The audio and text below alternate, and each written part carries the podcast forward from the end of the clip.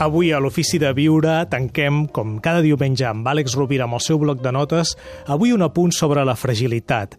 Elogi de la fragilitat, es titula el bloc de notes de l'Àlex d'avui. Potser, Àlex, no sé on podríem començar per la imatge. Te'n recordes de l'analogia la, amb el bambú que, que ens has expressat més d'una vegada? Com estàs, Àlex? Benvingut. Molt, molt bé, Gaspar. Sempre content de poder compartir amb tu una reflexió i xerrar una estona. Efectivament, eh, el bambú però també el que parlàvem l'altre dia, i potser canviaria el títol, Gaspar. En lloc d'elogi de la fragilitat, diria elogi de la consciència de la fragilitat. Perquè el que crec que ens fa, ens fa forts paradoxalment i ens fa justos a les persones és la consciència no només de la pròpia fragilitat, però sobretot de la fragilitat aliena. La fragilitat en si mateixa eh, no és, cap, no és cap virtut, però el reconeixement d'aquesta fragilitat sí. Per tant, la consciència de la fragilitat pròpia ens pot portar a desenvolupar recursos sobre allò que considerem eh, que podem millorar i que ens farà més forts en el millor, de senti en el millor dels sentits, més forts emocionalment, no més forts pel fet de ser-ho gratuïtament, sinó que la fragilitat ens ha de portar una fortalesa emocional i a una compassió, sobretot, que és més que empatia. No només a, a, ressonar amb l'altre, sinó a adonar-nos-en de què és allò de l'altre o del sistema que ens envolta, de l'ecosistema de la natura, que està a punt de trencar-se, que aquesta és l'etimologia de la fragilitat.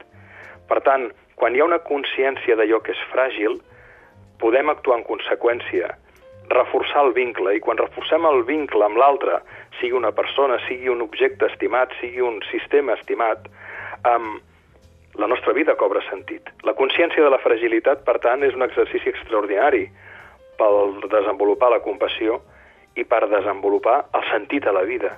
Recordem que aquelles persones que han posat la seva intel·ligència al servei de la mort després d'haver passat per situacions tremendament fragilitzants són persones que han canviat el món.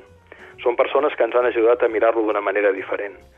Tots aquells que han fet de la compassió un valor per ajudar a l'altre a tirar endavant i a donar un sentit a la seva existència, ens han obert els ulls.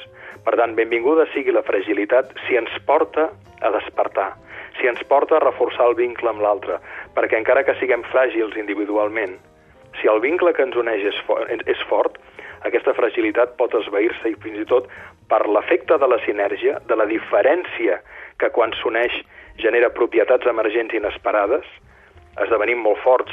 L'hidrogen té una propietat, l'oxigen té una altra, però quan s'ajunten donen l'aigua, i quan l'aigua es refreda dona el gel.